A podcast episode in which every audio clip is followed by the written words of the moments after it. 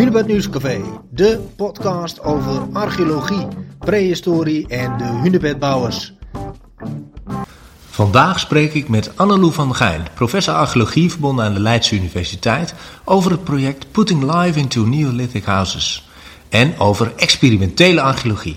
Ja, Annelou, hartstikke fijn dat je deel wilt nemen aan onze podcast uh, van het Hunebed Centrum. Uh, ja, je bent met een project bezig dat heet uh, Putting Life into Neolithic Houses. Um, kun je daar iets meer over vertellen?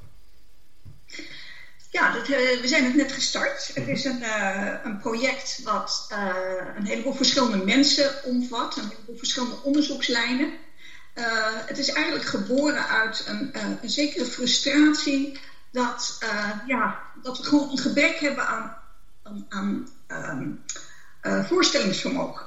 Okay. Van hoe was het in het verleden? En, en om, omdat een combinatie van uh, ja, experimentele archeologie en uh, wetenschappelijk onderzoek, echt met, met nieuwe onderzoekstechnieken, innovatieve onderzoekstechnieken, uh, daar misschien een beetje een uitweg uit kan bieden. Die wisselwerking tussen enerzijds experimenten, anderzijds steeds weer opnieuw meer gedetailleerd onderzoek doen naar materialen en naar voorwerpen. daarmee hopen we een beetje dat te doorbreken. Ja, heel mooi. Misschien moeten we ook even uitleggen aan de luisteraar uh, wie jij bent. Uh, je, je, bent hoogleraar, archeoloog, antropoloog. Ik, ik, volgens mij kan ik, kan ik wel even doorgaan zo. Uh, hoe zou je jezelf uh, in, in een paar zinnen ja, omschrijven? Ja, ik ben geïnteresseerd in, in mensen. en met name mensen in het verleden. Uh, en uh, ik heb eigenlijk al mijn hele leven. Ik ben niet zo van het goud en het glitter. Mm -hmm. Maar uh, wat gewone mensen, wat ze deden in het verleden, hoe ze leefden, wat ze maakten. Dat zijn de, en dat, dat, betekent dat ik inderdaad zowel. Ik heb antropologie gestudeerd, mm -hmm. maar ik ben ook archeoloog. En ik ben eigenlijk geïnteresseerd in, ja, in oude technologie. En hoe, ja, hoe gingen mensen in, het, in hun omgeving om met materialen. Uh, hoe maakten ze dingen, hoe gebruikten ze dingen en hoe, hoe gingen ze er ook aan het eind mee om. Hè? Dus de biografie van voorwerpen, dat is een beetje wat, uh, waar ik eigenlijk mijn hele leven al in geïnteresseerd ben. Maar dan niet in goud, of munten of grote paleizen, maar juist in, uh, ja, in wat, wij leven, hoe, hoe onze voorvaderen leefden. Mooi.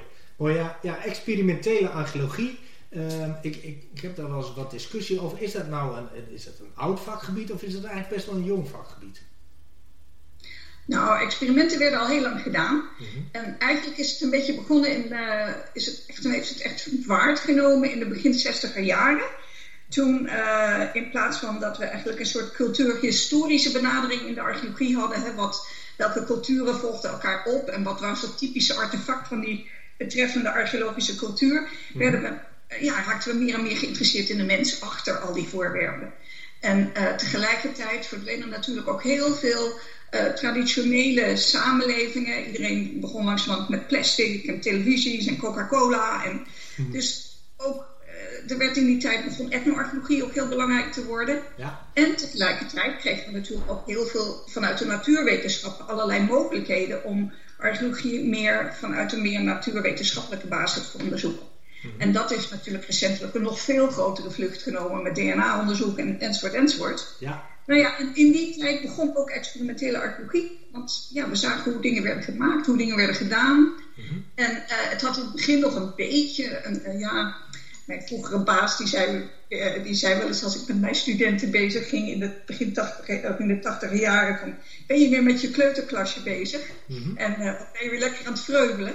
En maar goed, eh, nu, nu wordt het echt wel serieus genomen. En uh, is het gewoon een serieuze tak van, uh, van wetenschap binnen de archeologie. Ja, dus wat je zou kunnen zeggen is dat het binnen de archeologie nou, best nu eigenlijk best wel goed aangeschreven staat, terwijl dat niet altijd zo geweest is. Of overdreven. Ja, absoluut. Ja. ja. ja.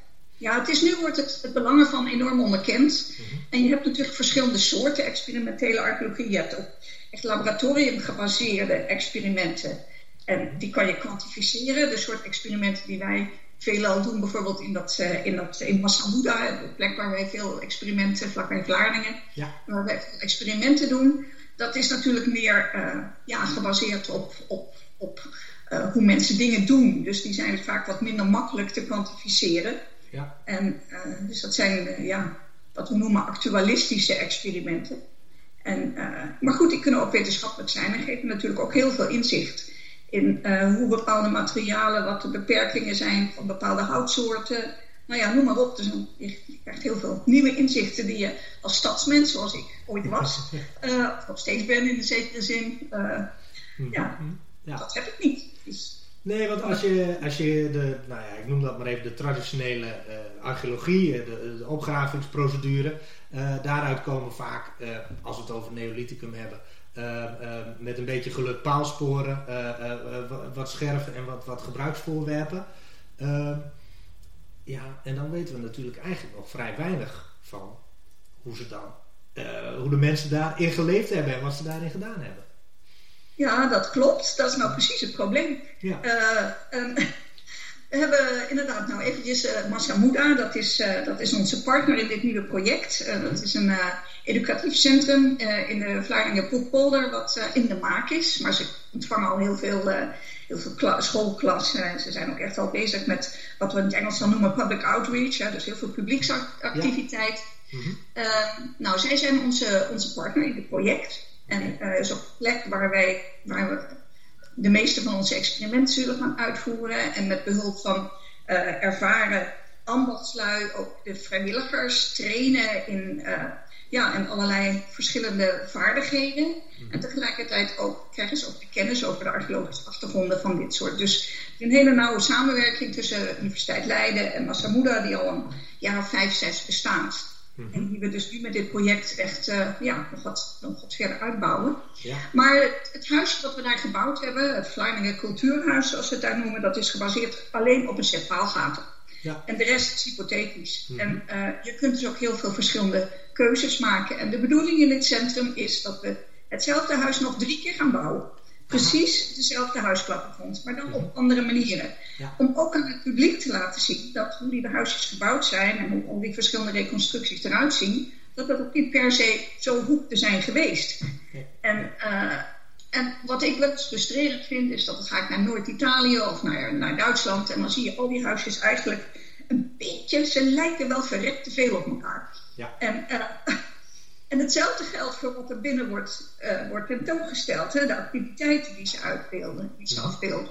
Ja. Ook redelijk. Dus ik word elke keer gefrustreerd door mijn eigen gebrek aan voorstellingsvermogen. en we willen dus door en heel veel experimenten te doen, ook met mensen die echt heel veel vaardigheden en kennis hebben over allerlei ambachten. En tegelijk dus dat, dat laboratoriumonderzoek, mm -hmm. uh, willen we dus wat verder komen. En dan geven we deze data geven we aan een tekenaar, dat is Calvin Wilson in, onze, in ons geval, om daar een, uh, een, een afbeelding van te maken die echt provocative is. Die dus echt de randjes opzoekt. Ja, ja. Uh, daar ook misschien wel een beetje overheen gaat, zo nu en dan. Mm -hmm. Die afbeeldingen die zetten we uit via EXARC, hè, dat is de internationale organisatie voor, uh, voor experimentele archeologie, waar al deze verschillende open, ja, archeologische centra en experimentele archeologie in verbonden zijn. Ja. Zetten we die beeldafbeeldingen en op onze blog zetten we daaruit om, -hmm. om uh, reacties op te roepen. Om, te, om, kritiek te krijgen. Met name kritiek. We willen vooral heel veel kritiek en opmerkingen. Leuk. Om een beetje verder te komen. Om eigenlijk die barrières, die ik eigenlijk al steeds voel, al jaren, ja. om die een beetje te doorbreken. Mm -hmm. Ik weet niet of, dat, of het ons lukt. Het is mijn grote angst met dit project dat we dat we nog steeds weer op hetzelfde uitkomen. Maar uh, ja, dat, uh, ik hoop het niet. Ik hoop dat we echt uh, ja, op een andere manier, misschien hier en daar een, iets andere accenten kunnen leggen. En, ja. In die zin heeft de, de, titel van het project misschien wel een dubbele bodem. Um, putting, life into new, de, de, ja, levende brouwerij in, in, ja, het Neolithicum. Ja, in, in, in de, in de nou, misschien wel luiheid van het uitgaan van een standaard uh, van een opgraving in Duitsland, die dan 36 keer wordt gekopieerd in, uh, in heel West-Europa en zo ziet dan een huis eruit. Uh, uit ja. de Neolithicum. Maar misschien, of zeer waarschijnlijk, leek geen huis op een ander huis. Denk ik. Ja, nou ja, kijk, als je de variatie in boerderijen ziet, de variatie in klederdrachten, die ja. niet tot, tot niet tot zo heel lang in Nederland natuurlijk overal zichtbaar waren. Mm -hmm. Ja, kan niet anders dat mensen toch ook variatie aanbrachten. Hun huizen versierden, dingen anders maakten. Mhm. ja, en ik denk dat wij stevast de, de, de, technologische kunnen van, onze, van deze mensen gewoon zwaar onderschatten. Mhm. En dus ja, wij worden daarin ook beperkt door onze eigen voorzichtigheid misschien en onze eigen uh, ja, denken dat het in het verleden allemaal primitief was, terwijl dat natuurlijk helemaal niet zo was. Nee, nee um, je hebt natuurlijk wel te maken met een aantal, uh, ja, uh, nou ik noem het maar even omgevingsfactoren. Ehm, je kunt, je kunt ehm, bijvoorbeeld maar een aantal boomsoorten gebruiken en dergelijke. Ja. dat onderzoek is van tevoren ja, wel allemaal bij elkaar gebracht. Om te zeggen, nou, we gaan wel een, een neolithisch huis bouwen. Maar dan niet van deze boomsoort, want die bestond toen nog niet. Ja, nee, absoluut. We hebben ook uh, houtspecialisten erin uh, zitten. Mensen van BIAX. Het mhm. hele, dus dat is, dat is een, een, een groep die botanisch onderzoek verricht. Dus we hebben, hebben verschillende mensen, ook iemand die echt in de landschapsarcheologie zit. Dus we hebben verschillende expertises in het team. Ja. En wij, zien, ja, wij, wij, zien ook echt technologie als onderdeel van het landschap. Mm En uh, landschap als technologie, dat is een van de uitgangspunten van het project. Okay. En ja, we zijn nu bezig om alle, eigenlijk een heleboel data uit de Vlaardingen-periode bij elkaar te halen. Dus inderdaad te zorgen dat we geen fouten maken, geen, ja. ja. dat we het goed weten welke, welke boomsoorten, welke plantsoorten zijn gedocumenteerd. Mhm. Want we gaan ook, ook, experimenten doen en we willen wat meer weten over ja, de cuisine. De, de, hoe maakten mensen hun eten? Wat gebruikten ze? Wat vermengden ze? Mhm. Dus daar worden, gaan we zowel experimenteel onderzoek mee doen, maar ook uh, wordt er residuanalyse gedaan door zowel uh, Oliver Craig in, in, York University in uh, Engeland, als ook door BIAC, door Lucie Kubiak. Mm -hmm. En dus ja, we hebben een veelheid, veelheid aan verschillende expertises bij elkaar gesnoord, zo gezegd. Ja, ja. Leuk is dat veel van ons al veel langer bij elkaar ja, samenwerken. Dus het is ook, mm ja, het is ook, het is ook een, uh, ja, ook qua sociaal is het ook een leuke groep mensen die, uh, die gewend is om samen te werken. En ja. dat is ook. Op wetenschappelijk gebied heb ik toch ook de indruk dat dat meer en meer ehm, uh, weer mag. Dus dat het eerder wat gespecialiseerder werd. Hè, dus iedereen in zijn eigen specialisme juist uh, zich ontwikkelend. Na nu toch ook weer van hey, hoe kunnen we nu weer elkaar uh, gebruiken om, om, het, ja, om tot een verhaal te komen, tot een narratief als het ware. Ja, ik, ik denk dat dat inderdaad, ik denk dat je dat juist ziet. nou, sowieso wordt samenwerken wordt altijd wordt altijd vooropgesteld van als het puntje bij paaltje komt, is het niet altijd even simpel. Nee. Uh, in dit geval was het ook uh, best wel lastig om, om bijvoorbeeld qua, qua, uh, qua data management en dergelijke mensen als kunstenaars bij elkaar te houden met wetenschappers. Wetenschappers is alles publiek. Kunstenaars ja. houden natuurlijk een copyright. Dus om al die verschillende partijen ja. op een goede manier bij elkaar te brengen was nog niet zo eenvoudig. Niet vanuit ons uit, maar vanuit de juridische contractuele kant. Mm ja. Maar uh, ja, zeker wordt er steeds meer samengewerkt, omdat ik denk wel uh, duidelijk is dat elk specialisme op zich uh, niet alle antwoorden in huis heeft. En nee. dus dat, dat het ook nodig is om juist om die verhalen gedetailleerder te maken, moet je samenwerken. En ja, ik zou niet zonder botanici kunnen werken, want ik heb hun gegevens gewoon nodig. Ook voor experimentele archeologie en zo. Hetzelfde geldt voor ik bedoel, ik kan moeilijk een, een, een uh, struisvogelbot gebruiken als ik een experiment doe in, in, in, in Vlaardingen. Dat slaat ja. nergens natuurlijk. Dus, ja. Nee, dat begrijp ik heel goed. En uh, uh, ja, toch een vraag die een beetje op mijn lippen brandt is, is, is, zit, is er wel genoeg ruimte voor verbeelding binnen de archeologie? Nou ja, dat is, een, dat is weer een hele moeilijke vraag. Dat vraag ik mezelf heel vaak af. Kijk, wij, wij zijn natuurlijk wetenschappers, dus we kunnen. Uh, er, moet een zekere, er moet een wetenschappelijke basis zijn voor onze uitspraken. Ja. Maar tegelijkertijd, zoals je zelf ook zei, we hebben maar heel weinig data.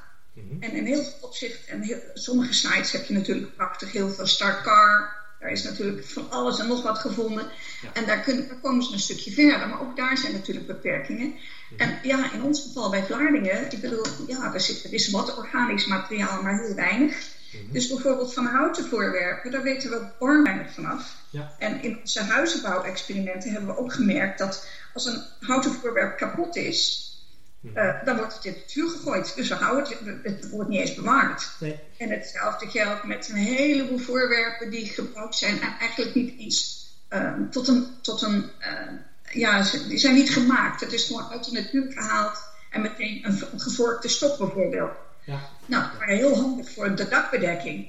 Maar ik heb ze niet meer, want die, die zijn bij ons in het vuur beland natuurlijk. Ja. Dus uh, ja, er is, we moeten die balans tussen enerzijds je fantasie gebruiken, maar dat mag natuurlijk nooit gezegd worden. Je moet, fantasie is een, een, bar slecht woord in de wetenschap. Ben ik het niet helemaal mee eens. Ik vind dat er best wel, uh, dat, we, ja, dat we hier en daar dat best moeten mogen gebruiken. Maar je moet het wel checken. Je moet het wel proberen te vertalen in uh, toetsbare, uh, ja, toetsbare uitspraken waar je kan zeggen, nou, waarschijnlijk, misschien hebben ze dat zo, en zo gedaan. Dan ga je nadenken over wat, hoe dat eruit zou zien archeologisch. Ja. Dus op die manier kun je wel verder komen. Maar eh, ja, het blijft een, het blijft een probleem. Die, die uh, ja, frictie tussen enerzijds dat je verder wil komen en anderzijds dat je ook wetenschappelijk moet blijven.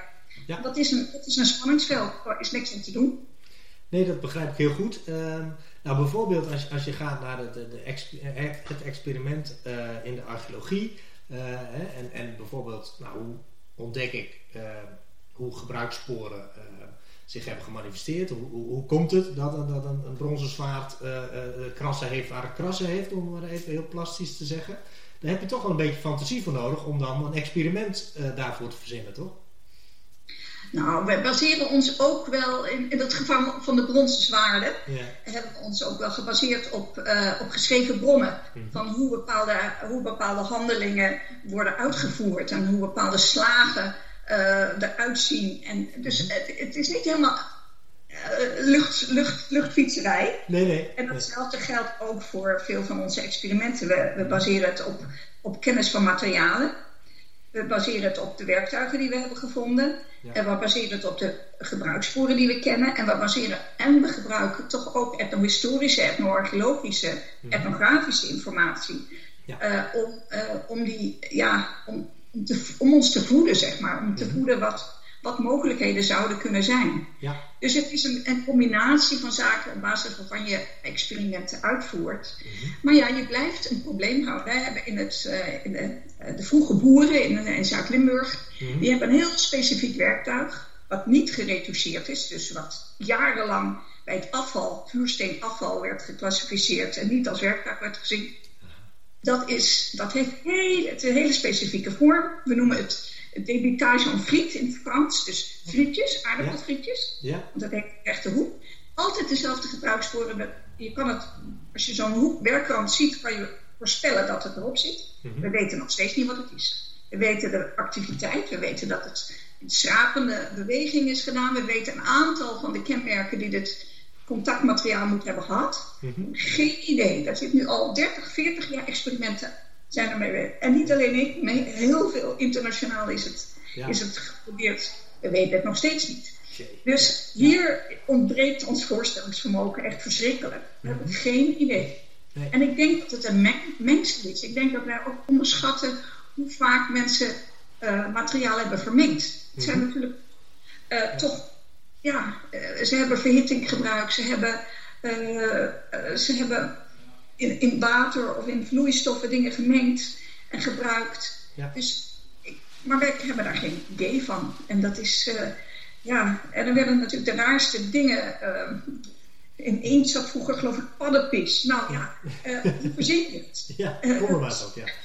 Ja, dus, ja nee, dat snap ik. Ja. je bent nu net, net het project Putting Life into Neolithic Houses is net gestart. Ja, wat voor eh, uitdagende schilderij verwacht je eigenlijk? Kun je daar al eh, een, een tipje van de sluier lichten? Nou ja, we zijn nu begonnen met uh, het Kano-project. Dus dat is uh, het maken van een, van een, uh, een dugout, van een boomstam kano. En dat wordt gedaan door de vrijwilligers zelf. Okay. En ja, dan een loodzware boom kan je niet verplaatsen, behalve totdat het een boot wordt, totdat het een kano is. Dan kan je, dan kan je een beetje sleuren en rollen. En, maar die boom zoals die nu is, die grote eik, die verplaats je niet zo makkelijk. Dus we zaten inderdaad zo van, waar wordt het gemaakt? Zijn er hier eik, hebben hier eiken gegroeid in de buurt? Uh, wie zouden op expeditie zijn gegaan om die, om die eik tot een, een kano te maken? Dat de mensen waren bij, hoe oud is ze, welk seizoen? Nou ja, daar zijn we nu een, een, beetje mee bezig. En momenteel wordt, wordt die tekening gemaakt door, uh, door Kelvin Wilson. Dus ik ga niet meteen alles over vertellen. Maar dit soort discussies voeren we dus. Om, om, ja, om juist om die het detail aan te brengen in zo'n tekening. Mhm. Waardoor mensen gaan nadenken van... hé, hey, maar volgens mij is dat verkeerd. Of hé, hey, nou, dat zou ik anders zien. En, uh, of ze hebben andere data. Nou, op zo'n manier proberen we... Maar de, er is dus al één bijl gebroken. Dus dat is... Dat is ook wel belangrijk om te weten hoe snel dat, hoe, hoe snel dat gaat. Want in de cultuur hebben we heel veel geslepen bijlfragmenten. Ja. En uh, ja... Ik denk dat het komt door dit soort kleine ongelukjes. Mhm. Dat zo'n bijl uh, kapot gaat. Geeft, ja. En die breekt dan midden door. En dan heb je twee keurige kernen in feite. En uh, dus vandaar kan je weer prachtig afslagen afslaan. Dus uh, ja. Um, nou, ik denk dat er nu een aantal mensen luisteren en denken van ja, dat project wil ik wel graag blijven volgen. Hoe kunnen ze dat het beste doen? Uh, nou, we hebben een website, mm -hmm. Oké. Ehm, en daarin worden heel veel blogs gepubliceerd. Als we weer iets leuks te melden hebben, dan wordt het daarin. Uh, we hebben ook allerlei publieksactiviteiten die, die daarin onder het kopje nieuws worden gemeld. Oh. En verder via Exarch wordt, mm er, wordt er behoorlijk wat. Dus de, de website van Exarch zal altijd melden als er wat, als er wat gebeurt. Ja. Uh, dus dat is www.exact.com, denk ik dat het is. Mm -hmm. En tenslotte, ja, de, de website van Massamuda zelf. Ja. Dus ja, er zijn drie plekken waar eigenlijk alles wordt, ja, wordt gemeld. En ik ben nog niet aan het twitteren. maar ik denk eigenlijk dat dat misschien ook nog gaat komen. Dus, ja. ja. Ja, hartstikke goed. Uh, nou, dan hoop ik op, op veel voortstuwende kritiek op, op die uitdagende uh, uh, kunstwerken. En ja, we houden het in de gaten. Ehm, dankjewel, Anlou.